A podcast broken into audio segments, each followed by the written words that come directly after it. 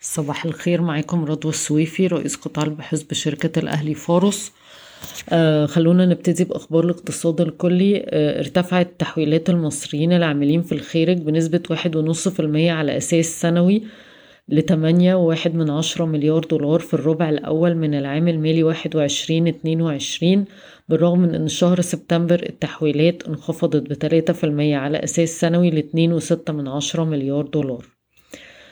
سيتم منح القطاع الخاص مهلة مدتها ستة أسابيع حتى منتصف فبراير من متطلبات الحد الأدنى للأجور في القطاع الخاص اللي هو 2400 جنيه مصري اللي هتدخل حيز التنفيذ في بداية 2022 بموجب قرار من المجلس القومي للأجور. آه، سجلت أسعار الغاز والكهرباء ارتفاع قياسي في أوروبا آه، مما يهدد آه، التعافي الاقتصادي ويضع الصناعات كتيرة على شفا الإغلاق حيث آه، يعني قلت جدا وتقريبا انعدمت تدفقات روسيا من الغاز لأوروبا مما أدى إلى تفاقم النقص في المدخلات الإنتاج والإنتاج بشكل عام.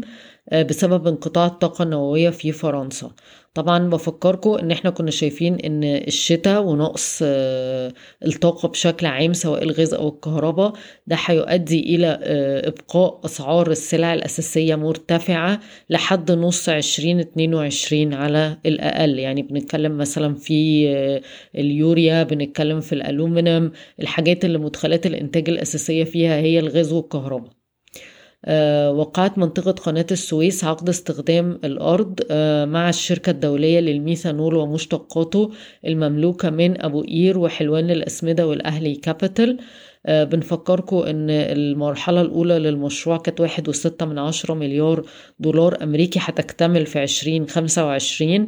والمرحلة التانية كانت تكلفتها مليار دولار لمدة ثلاث سنين. بداية من ستة وعشرين من عشرين ستة وعشرين والمصنع هينتج مليون طن من الميثانول وربعمية ألف طن من الأمونيا والقيمة العادلة بتاعتنا التسعة وعشرين جنيه مش داخل فيها المشروع ده.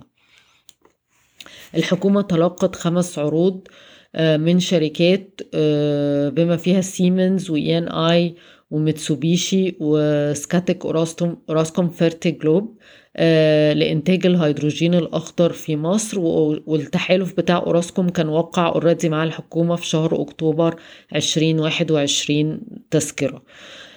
شركة النساجون الشرقيون أعلنت عن آه، استثمارات 15 مليون دولار في عام 2022 لإضافة أنوال وآلات جديدة لرفع كفاءة المصانع مقارنة ب 26 مليون دولار تم إنفاقها في 2021 عقد رئيس الوزراء اجتماع لمناقشة الاستراتيجية الوطنية لصناعة السيارات ووجه ببداية حوار مع المصنعين المحليين لبحث الاستراتيجية والاستماع إلى آرائهم ومقترحاتهم.